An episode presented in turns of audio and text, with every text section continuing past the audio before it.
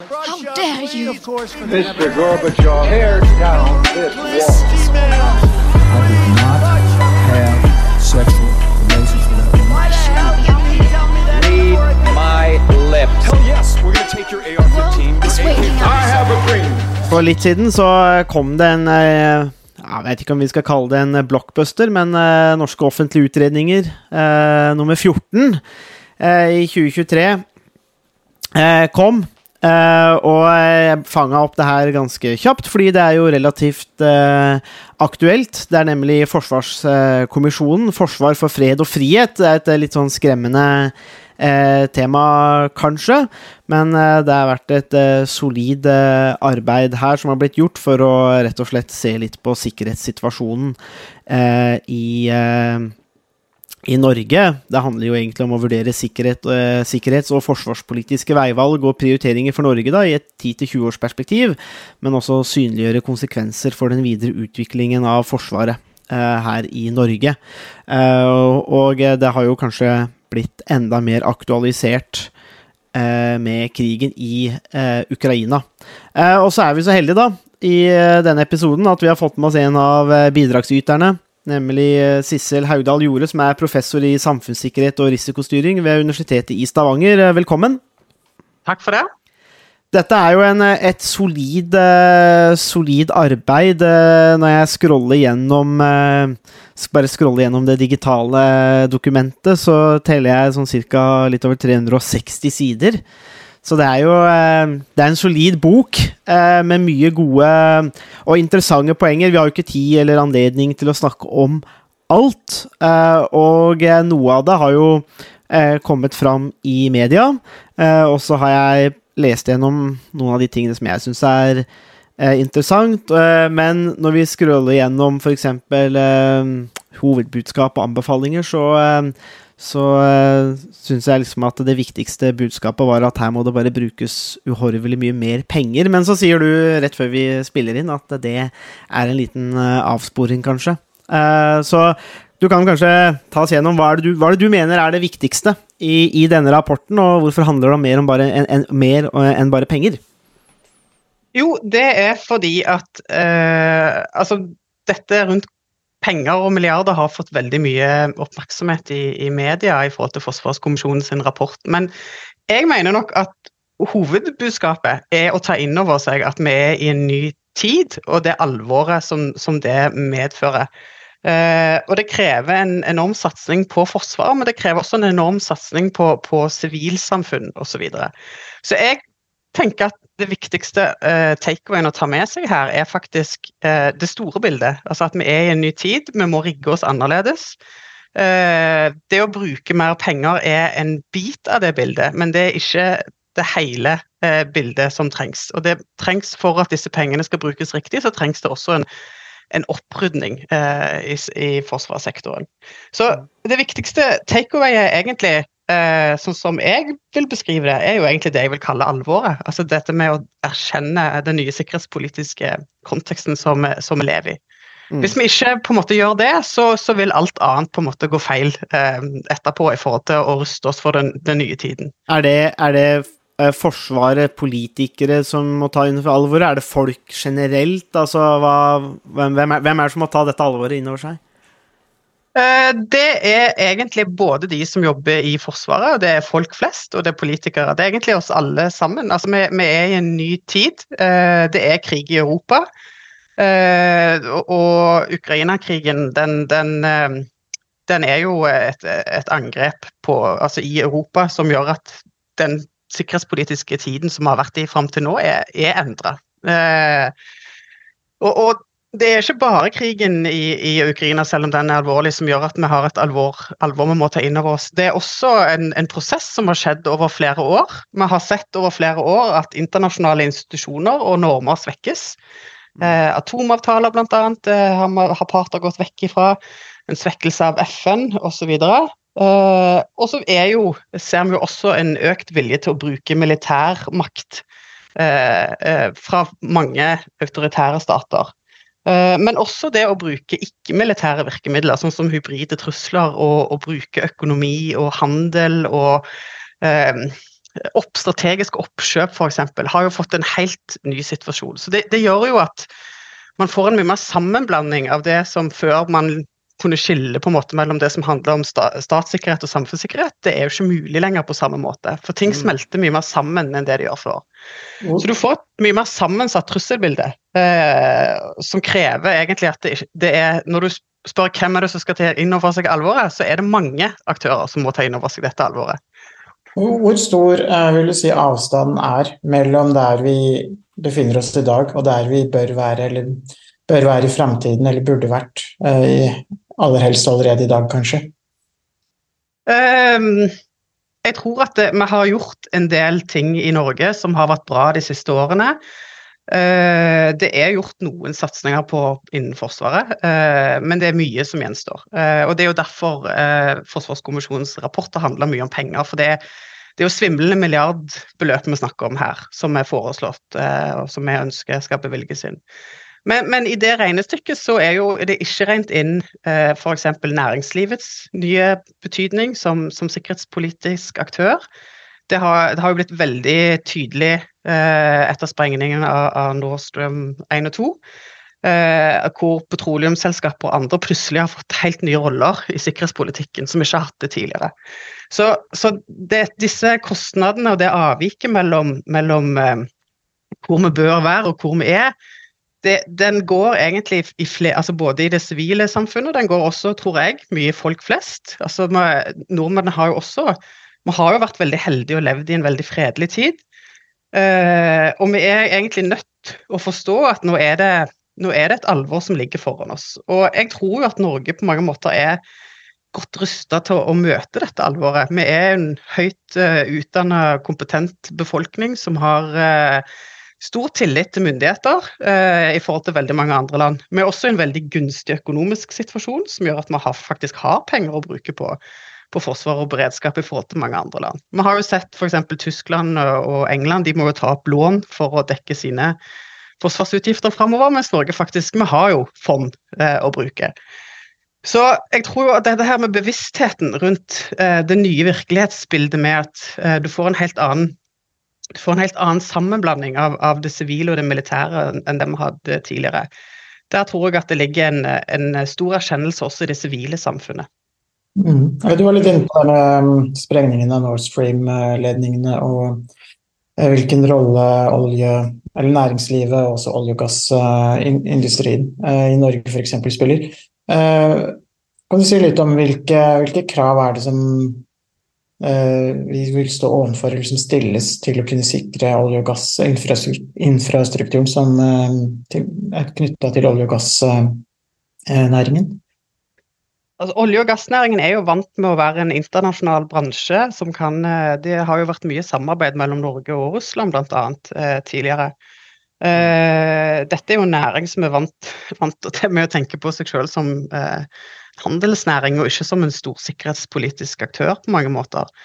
Eh, og som jo egentlig ble kasta ut i en helt ny rolle i, i høst, eh, med sprengningen av Nord Stream 1 og 2. Med, hvor man plutselig Jeg vil si plutselig, for dette har jo vært debattert i enkelte fora, men jeg tror for næringen sjøl så, så, så, var nok dette alvoret som seig inn, spesielt for denne næringen her, eh, var nok virkelig en sånn øyeåpner. og, og det oppsto en situasjon hvor veldig mange aktører som ikke er vant med å snakke sammen, altså fra forsvar, departement osv., eh, eh, måtte inn og samarbeide.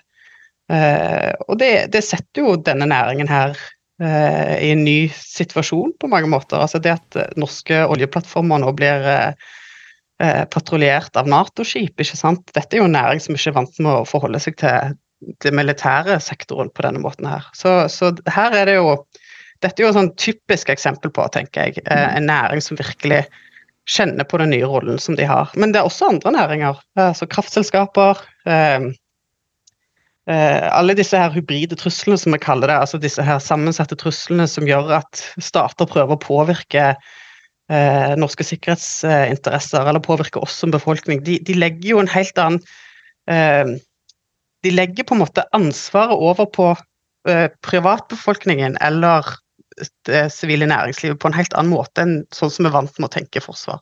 Mm. Og Her ligger det jo også noen fallgruver. ikke sant? For at dersom vi går for langt i å tenke denne typen sikring, så, så har vi jo også gått feil vei. Så dette handler jo veldig mye om å ta en del tøffe debatter, forstå hva vi blir utsatt for, eh, og faktisk ha et liksom bevisst, bevisste, åpne debatter så langt det lar seg gjøre om denne tematikken her. Mm, Det er jo, eh, vi har jo i den podkasten her snakka tidligere, det bare slo meg nå når du snakker om denne nye hva skal vi kalle det, realitetsorienteringen. Eh, men, eh, men Milton Friedman Harald, han var jo veldig opptatt av at bedrifter kun skal tjene penger, altså maksimere profitt for, for de som har aksjer, eller eierne. og det- jeg, jeg, jeg leser jo her, kanskje, kanskje jeg leser for mye i det, men jeg hører jo kanskje at private bedrifter òg må ta et annet ansvar enn å bare maksimere profitt, fordi at eh, det kan kanskje lønne seg. Vi så jo litt dette med dette Var det dette verftet i, i Bergen? altså når, vi, når, det er russiske oppkjøpere, eller om det er kinesiske oppkjøpere, så har man kanskje tenkt på 90-tallet, og, og, og, og særlig etter 90-tallet, og framover, at det handler jo egentlig bare for private bedrifter å maksimere profitt. Kan vi produsere i utlandet, så gjør vi det. Får vi eh, utenlandske aksjonærer inn, så gjør vi det fordi at eh, vi tjener mer penger. Eh, men, men det blir kanskje litt for lett òg, eller altså, leser jeg litt for langt der? Eller, må, eller tenker jeg her at her, eh, dette vil inngå i en ny realitetsorientering? At du, kan, du må faktisk si nei til en del kapital da, fra f.eks. Kina eller Russland eller andre, rett og slett fordi at det kan komme en situasjon hvor vi der, dermed kan bli eksponert av f.eks. olje og gass, da, som er så fryktelig viktig for oss. Nei, eh, det er vel egentlig flere måter at det private næringslivet har blitt eh, Altså ikke bare kan drive fri virksomhet. Altså, de har jo på mange måter altså Dette har sammenhengen mellom staten og, og det private. Den, den blir jo mye mer uty utydelig i, i den, når, når samfunnssikkerhet og, og rikets sikkerhet smelter sammen. Og Det kan du jo se på flere måter. Eh, det som vi snakket om nå, det er jo den litt sånn klassiske måten vi tenker i forhold til eh, organisasjoners rolle. Altså det at Nå er det jo sånn i Norge i dag at eh, 80 cirka av, av den kritiske infrastrukturen den ligger jo nå på private hender. Altså det, det er jo en av de store forskjellene nå kontra før, eh, altså under den kalde krigen, da staten var den som eide eh, kritiske infrastrukturer. Så det at det er private som egentlig eier infrastrukturen som samfunnet er avhengig av, det er jo en ny eh, rolle og en ny måte å tenke på. Eh, og som utfordrer denne her klassiske delingen mellom organisasjon, stat og fred og sikkerhet på, på en helt, helt annen måte enn tidligere. Og Det er jo det eksempelet her med sprengningene av, av Nord Stream 1 og 2 et godt eksempel på, syns jeg. Mm. Men så har du også andre måter hvor vi veldig ser tydelig denne her oppløsningen da mellom staten og, og, og organisasjonene som, som frie organisasjoner, som også jeg synes kommer veldig tydelig fram de siste årene. og det går jo på Eh, altså det går jo på at mange selskaper blir på en måte en direkte forlengelse av staten, og dermed blir sett på som en trussel. Altså det Kroneksempelet på det er jo Huawei, som blir sett på som en, eh, en eh, forlengelse av det kinesiske eh, staten. Eh, eller eh, det russiske oljeselskapet, ikke sant, som blir sett på som en forvalter av statens interesser. Mm. Eh, Så, så her er det på en måte mange typer sammenblandinger som er forskjellige fra, fra før. Og så har du også, eh, som jeg syns er kjempeinteressant, nå snakker vi oss litt vekk fra Forsvarskommisjonens rapport, men eh, det er jo også private selskapers eh, eh, hvordan de har spilt en utrolig viktig brikke i, i krigen i Ukraina. Altså Det ser du jo i forhold til, til Microsoft, i forhold til Google. De store tech-selskapene. ikke sant? De, de er inne, de gjør oppdrag for å holde internett oppe, for å få det ukrainske samfunnet til å fungere på en helt annen måte. Eh, og noen av disse selskapene er jo på en måte like rike som stater. Så de, og kanskje man kan også si at de oppfører seg som stater. Eh, Mm. Eksempelet her er jo Musk, ikke sant, som ble bedt på Twitter om å hjelpe internettilgangen i Ukraina, og som, som faktisk tar den rollen, da, uavhengig av amerikanske myndigheter. Så her er det på en måte egentlig flere sånne Denne her løskoblingen mellom organisasjoner og staten, den kan du egentlig se i flere akser og, og måter. og det det utfordrer jo egentlig det skillet vi ønsker å ha da, mellom stat, eh, selskaper, mellom fred og krig. Og Det er jo denne her sammensmeltingen som er en del av det alvoret som vi egentlig står overfor nå. Mm. Mm. Det er, jo, eh, det er jo eh, for oss som eh, studerer sikkerhet, og det perspektivet, så er jo også det litt skummelt. Eh, også, ikke sant, fordi Jeg vet ikke om du kan si noe om det òg. Altså, du forsker jo mye på dette med, med, samfunnssikkerhet, og særlig når det kommer til dette med terrorisme. da, og Der har jo på en måte vært liksom, noen av kritikken, i hvert fall fra noen miljøer, har jo på en måte vært at eh, når man skal sikre seg mot terrorangrep eller handler om rikets sikkerhet, så er det på en måte ikke noe endepunkt. For det er jo også litt sånn type abstrakt. Så da kan det ofte bli Det kan jo ofte bli veldig mye. Eh, mm. og vi, vi veit jo at det er jo i hvert fall svært dårlig eh, Det er, det er i hvert fall svært mangelfullt da, når det kommer til hvordan man skal evaluere f.eks. effektivitet, proporsjonalitet, legitimitet osv.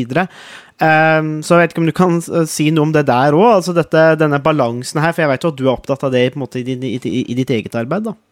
Mm. Det er jo denne balansen som utfordres. Altså, I den ideelle verden så ønsker vi jo egentlig å skille alle disse begrepene, og vi ønsker jo egentlig å gjøre denne her avveiningen mellom frihet og sikkerhet i en offentlig debatt, ikke sant. Eh, men det som vi ser nå, eh, det er jo at alt Altså, det er noe med at og dette handler jo om mange ting som skjer samtidig, altså både med, med sosiale medier, ekkokammer osv. Eh, folk blir utsatt for, for påvirkning på en, på en, helt annen måte enn tidligere. Det blir også selskaper. Det er jo her denne sammensatte virkemiddelbruken blir komplisert å forholde seg til. Uh, og det var det jeg prøvde å si litt om i sted òg, er dette med at uh, dersom Altså, vi er jo på en måte nødt til å rigge oss for nytt alvor og en ny sikkerhetspolitisk virkelighet, men samtidig så er det jo sånn at det er jo i Norges interesse å ha åpenhet, dialog, frihandel. Det er jo verdier, demokrati, det er jo verdier som vi står for. Uh, og jeg tenker jo at, at det viktigste er jo å erkjenne dette alvoret og ta de debattene. Eh, for hvis vi ikke tar dem, eh, så har vi på mange måter tapt. Eh, og da skjer ting i lukka rom, eller uten at vi har på en måte innsyn og kontroll på dem. Mm.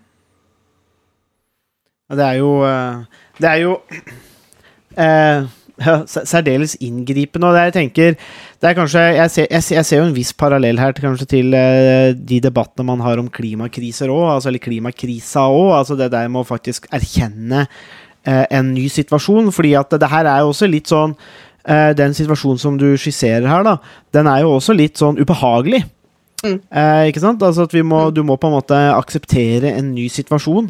Eh, og det tenker jeg er jo ganske sånn eh, Ja, nei, det er, det er, det er litt ubehagelig. Men, og hvis vi knytter det her til et punkt som jeg tenker er litt Det, det er spennende, jeg synes, men jeg syns også det er vanskelig. Og det er det som eh, dere er inne på i rapporten om dette med styrking av sivilt-militært samarbeid og, og totalforsvaret. Eh, og det er jo ganske sånn eh, eh Ja, det er jo et enormt stort område, da. Eh, jeg regner med at det arbeidet starter med denne erkjennelsen som du på en måte er inne i. Altså Hvis ikke man erkjenner behovet for det, så er det vel ikke noe vits å, å, å gå noe videre heller. Eh, men så står det også håndtering av nye sammensatte trusler, revitalisering av Altså det står bare revitalisering av eh, totalforsvaret, og det er jo eh, det er jo bevilga noen, eh, noen, paragrafer til jeg her. Eh, men eh, kan du si litt mer om det? Fordi for meg så høres det litt sånn abstrakt ut, sånn rent umiddelbart. Mm. nei, totalforsvaret er jo et, et begrep som egentlig så det har jo en lang historie i norsk sammenheng, og, og, og ble jo egentlig eh, utvikla under andre verdenskrig eh, og i etterkant av andre verdenskrig. Og Da handla det om at Sivilforsvaret skulle støtte opp eh, under Forsvaret. Eh, så det handla jo om Forsvaret, først og fremst. Eh, mm. Og så så vi jo på en måte en endring etter den kalde krigen. Eh, hvor man egentlig ikke var så opptatt av totalforsvaret på mange måter.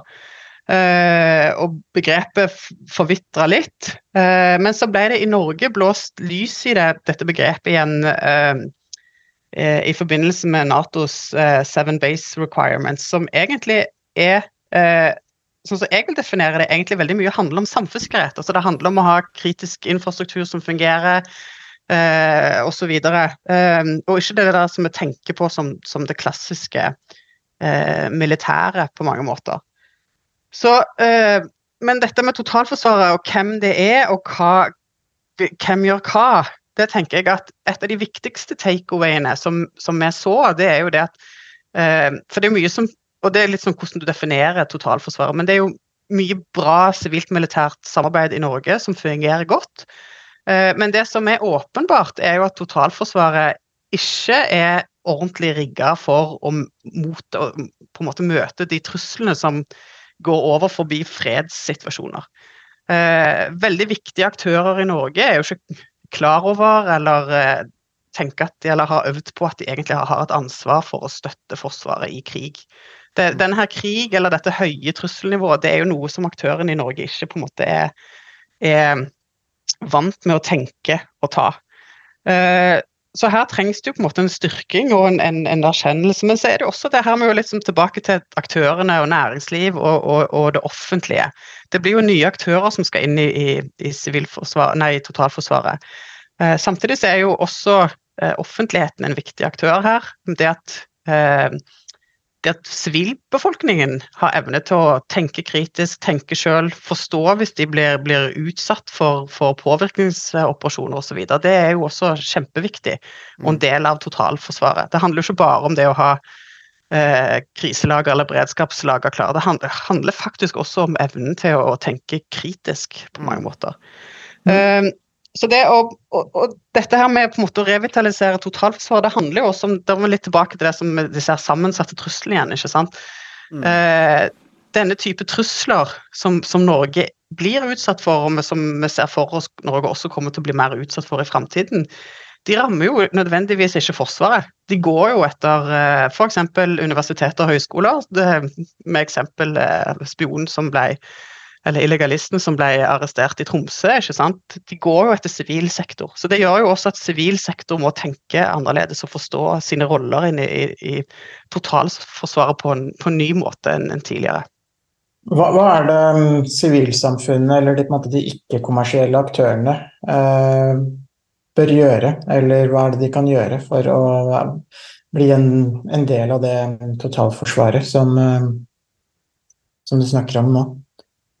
Uh, tenker, der er vi jo litt tilbake til dette med å erkjenne alvor igjen. Uh, jeg tenker at, uh, at, dette med å forstå trusselbildet, hva man blir utsatt for, forstå at ting skal balanseres. altså Man skal på en måte ikke møte dette med overhysteriske tiltak heller.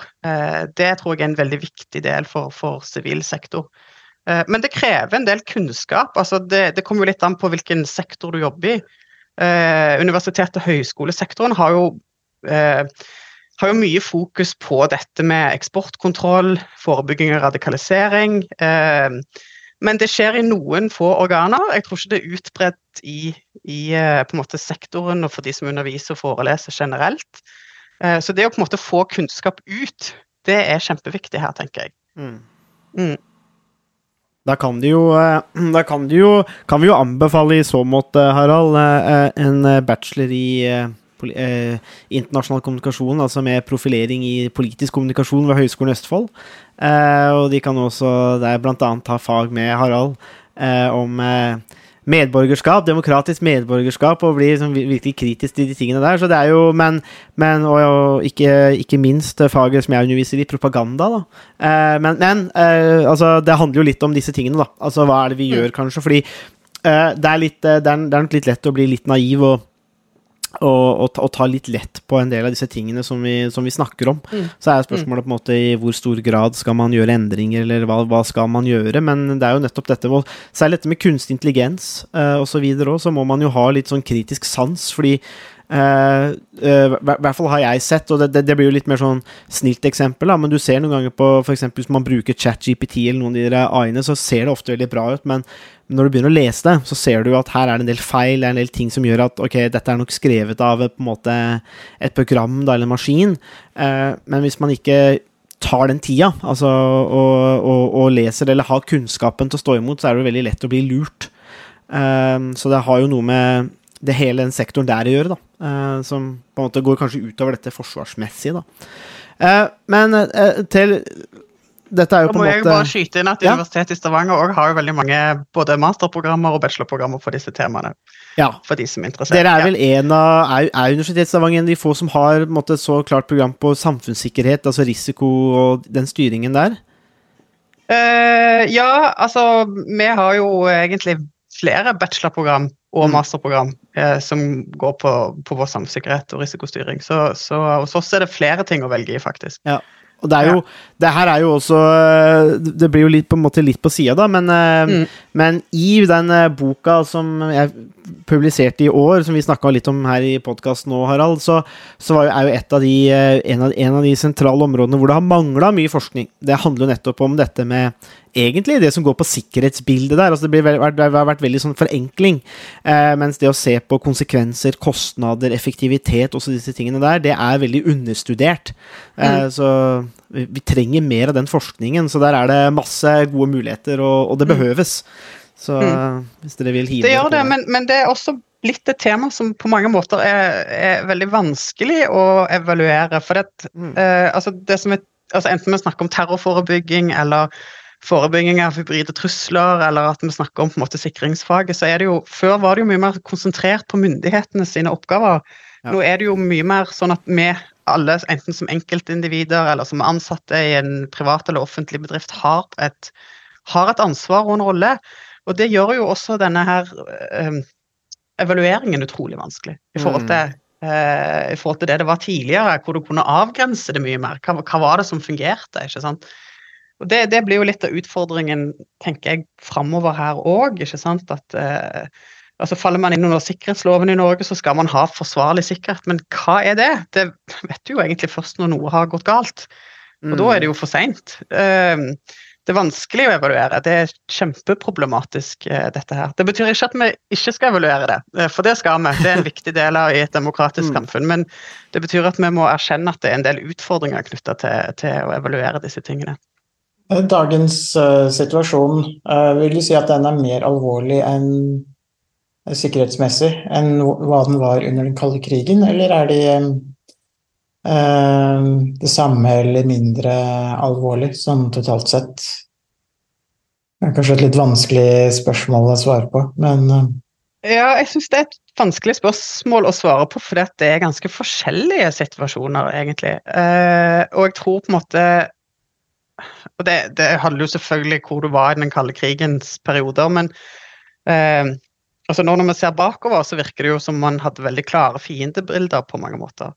Eh, mens nå står vi jo overfor litt det samme. Vi står jo overfor en stormaktsrivalisering som, eh, som på en annen måte enn det vi har sett før. Vi står overfor en situasjon der eh, det er ikke bare to supermakter som, som skal gå i konflikt, men vi ser jo også at autoritære stater eh, eh, både påvirke oss, utvikle teknologi. Eh, Kina er jo viktig å nevne i denne sammenheng. ikke sant? Eh, Kina skal bli problematisk å forholde seg til eh, for Norge framover. Det er jo en, en stat som vi, vi, vi importerer veldig mye fra.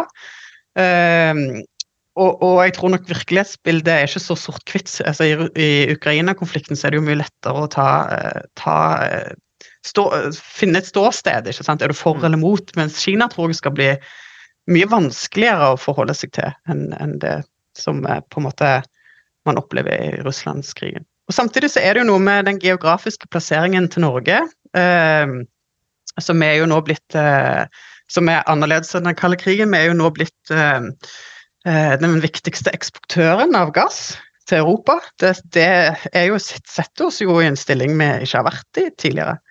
Eh, vi har jo også, I motsetning til under den kalde krigen, så har vi jo en veldig god økonomi, som gjør at vi, der ligger det jo en del frihet til å kunne velge en del ting. Eh, og så ligger det jo en del utfordringer, da tenker jeg, i forhold til eh, Under den kalde krigen så hadde man jo veldig definert Nato og, og, og USA som den store supermakten som skulle komme og hjelpe oss, og som finansierte veldig mye av forsvaret i Norge.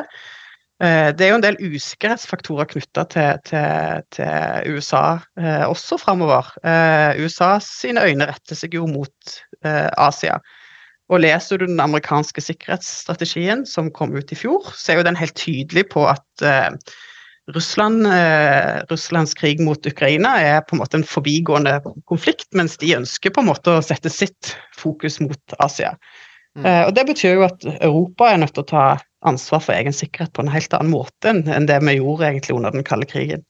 Så det, ja, det er en del likheter. Eh, og det er en del forskjeller mellom nå og den kalde krigen. Eh, Men jeg syns det er vanskelig å mene om det er verre eller ikke verre. for å si det sånn. Mm. For jeg, jeg tror kanskje noe av det viktigste er å forstå hva som er annerledes, sånn at vi klarer å rigge oss til, å- til, å, til å møte den, den nye virkeligheten. Ja, for da blir det usikkerheten i dagens situasjon som egentlig er noe av det som vi må, må forholde oss til. Eh, og da er, det, da er det kanskje også sånn at det er mange, det er mange ulike eh, trusler som vi kan, eh, kan stå ovenfor også. At man ikke helt vet hvilke Man har ikke en, en konkret trussel som Sovjetunionen Mm. var Mm. fram til 19, eh, 1989. og da Eh, Da står vi kanskje overfor en situasjon med mange ulike trusler, som kanskje ikke alle, alle nødvendigvis er like alvorlige.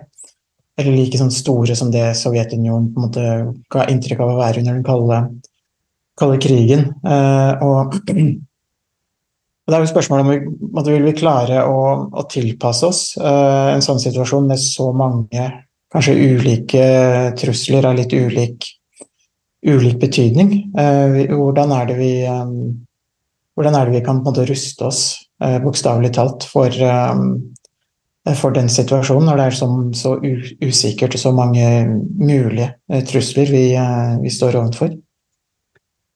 Jeg tror at noe av nøkkelen det er faktisk å forstå kompleksiteten i, i den nye usikkerheten. For, det, for det at det er Altså, igjen for å ta den sammenligningen mellom den kalde krigen kontra i dag, så tenker jeg jo at eh, eh, ja, det ble jo drevet propaganda og påvirkningsoperasjoner mot norske borgere også under den kalde krigen.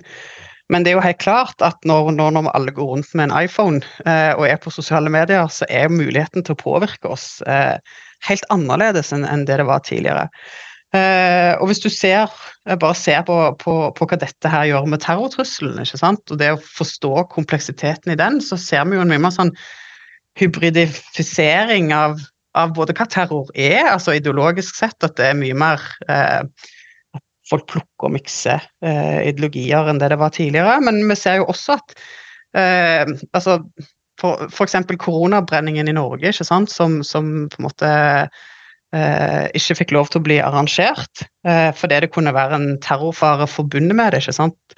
Eh, plutselig handler jo den om et stormakts- og et storbildeperspektiv. at eh, I Finland så ble det jo påstått at han som brant koraner, fikk økonomisk støtte fra, fra Russland i dette. Og da har du jo plutselig dette her med stat. ikke sant? Staten kommer inn og kan påvirke både befolkningen generelt, men også de som på en måte eh, er sårbare overfor radikalisering på en, på en helt ny måte. Så, så denne her kompleksiteten eh, den, den, og, og, og liksom hvor kort vei det egentlig er fra statlig påvirkning til oss, den tror jeg vi må, den må erkjenne, og den er viktig, tenker jeg, som, som en sånn å bygge en sånn motstandsdyktighet eh, i befolkningen, rett og slett.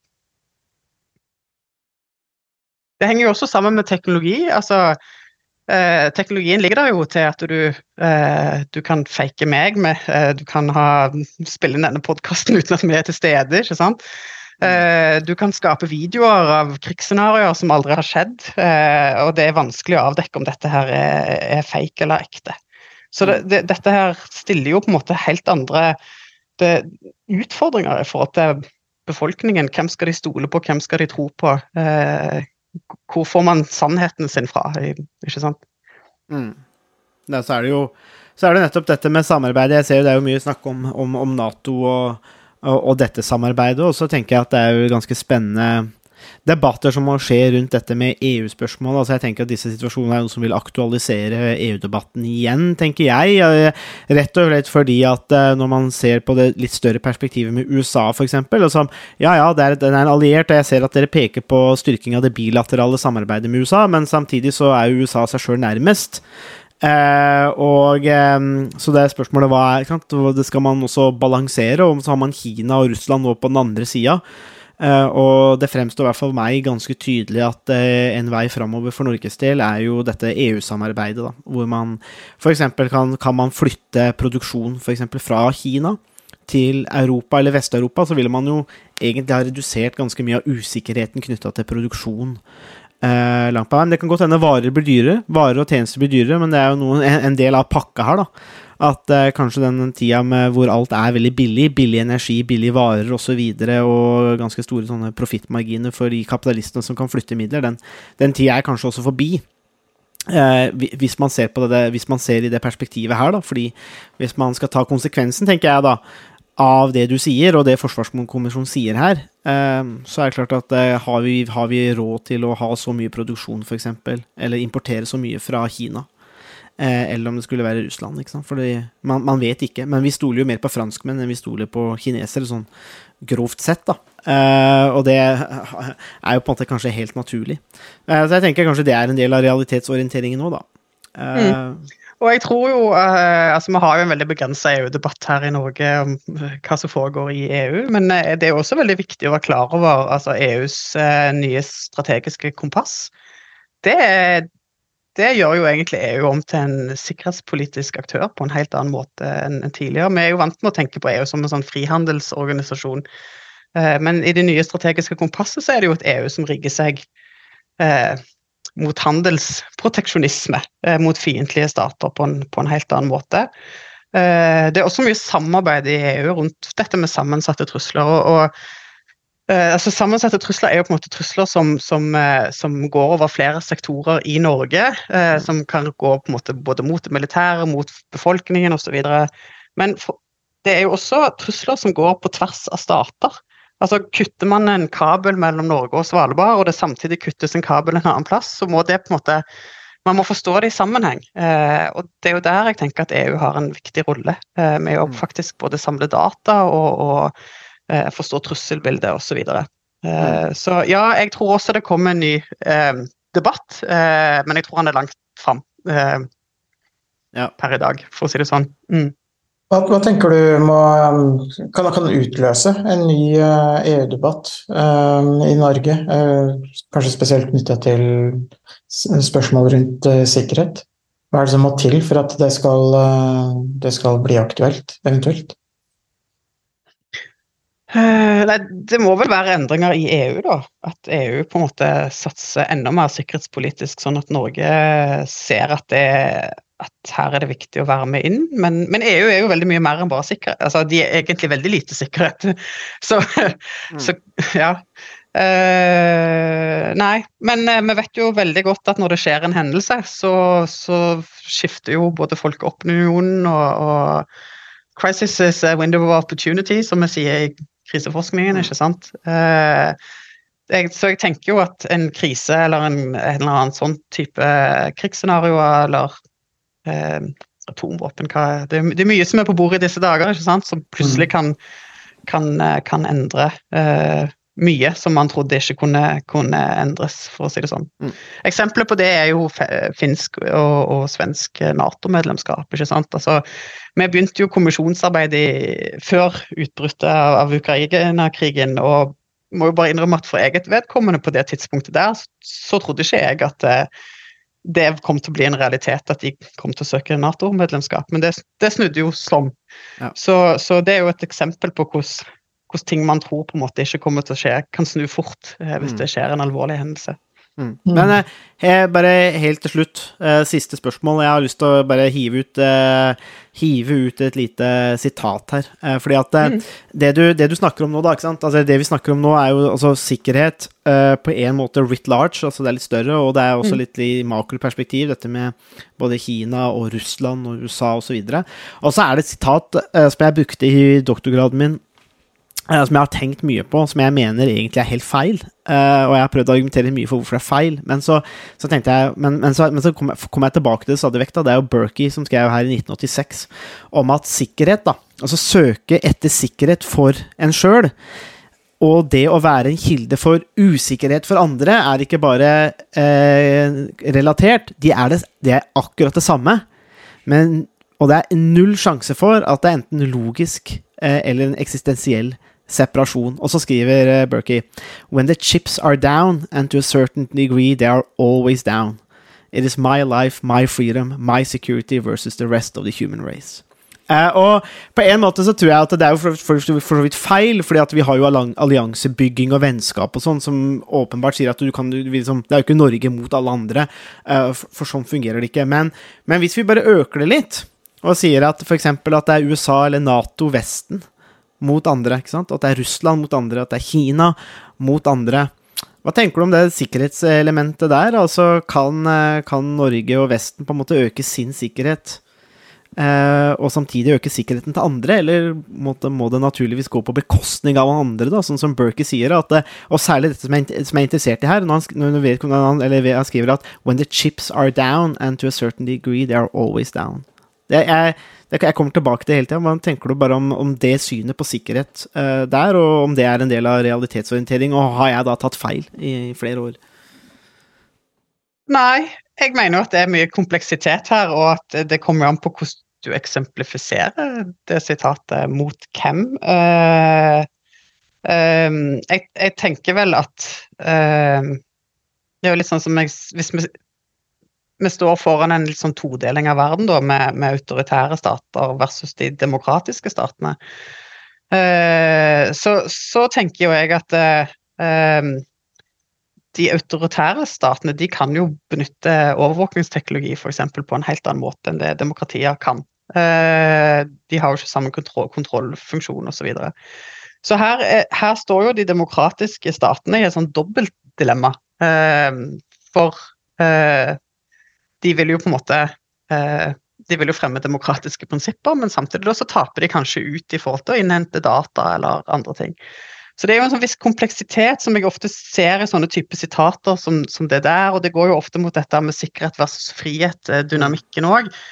For hva er egentlig frihet, og hva er egentlig sikkerhet? Altså Er det frihet fra å slippe å bli eh, et offer for terror, eller er det frihet for å slippe å bli et offer for statens inngripende tiltak? Altså, eh, det, det- ligger jo sånn Alle sånne sitater som er veldig sånn forenkla av virkeligheten, tenker jo jeg er nettopp det.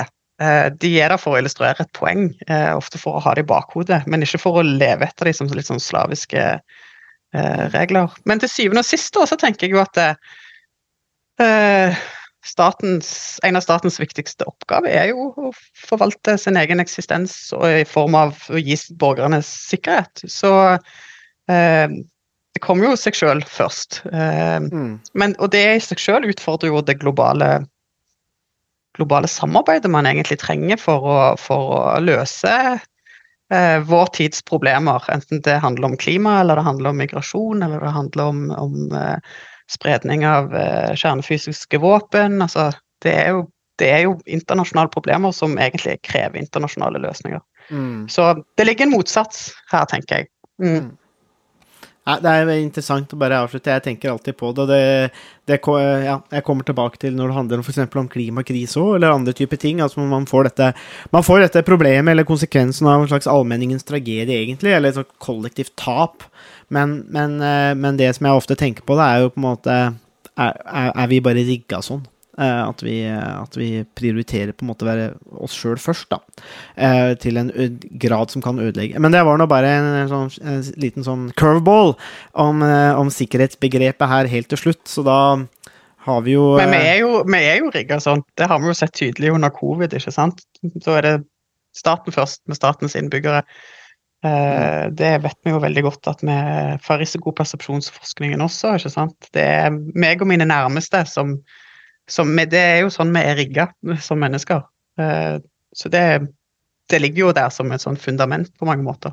mm, Ja, Egeninteressen er jo en av de dypeste drivkreftene i menneskets eh, natur. Mm. det kanskje, kan du kanskje legge til altså at det, det er forskjell på egoisme og egeninteresse. Altså, egeninteresse er jo ofte helt legitime eh, interesser, eh, mens egoisme er noe annet. Men ofte så blir jo de, disse to eh, sidene eh, sett over ett, eh, mens de, eh, de kanskje ofte er litt, litt forskjellige. og Det er noe man ser både, kanskje både i sikkerhetspolitikk og andre politiske konflikter noen ganger.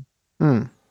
Mm. Nei, det, er inter det er interessant, så da, men vi, har, eh, vi nærmer oss en fotballomgang, og det er- pleier jo ofte å være der, Harald, at vi, vi er. Det er, eh, det er Det er så mer lenge vi holder ut. Ja, men det er, det, er også, det er i hvert fall mer spennende enn å se Norge tape eh, i, i herrefotball eh, og aldri klarer å kvalifisere seg. Så eh, jeg tror vi får mer ut av de enn en gang i 45 her med statsvitenskap og sånt. Men så eh, Det gjenstår egentlig bare å takke for eh, at du kunne komme, Sissel. Det var veldig interessant å høre hvordan dere har jobba, og hva som på en måte er det viktige her. Da, da får vi håpe at lytterne tar med seg en ny realitetsorientering ut i, Ja. ut i sommervarmen.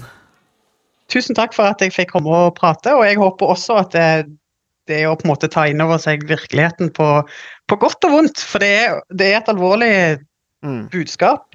Eh, Men igjen så tenker jeg at vi i Norge er jo veldig godt rusta til å møte denne virkeligheten. Bare vi erkjenner at det er sånn og tar en del debatter og bruker en del penger. eh, Så er jo vi bedre rusta enn veldig mange andre, tenker jeg. Takk for at eh, du hørte på Statsvitenskap og sånt. Har du spørsmål, kommentarer eller tilbakemelding, så er det bare å ta kontakt på vår Facebook-side, per e-post eller brevdue. Musikken er som vanlig laget av Robin Horvath, og Mats Halvorsen mikser og redigerer podkasten. Vi høres!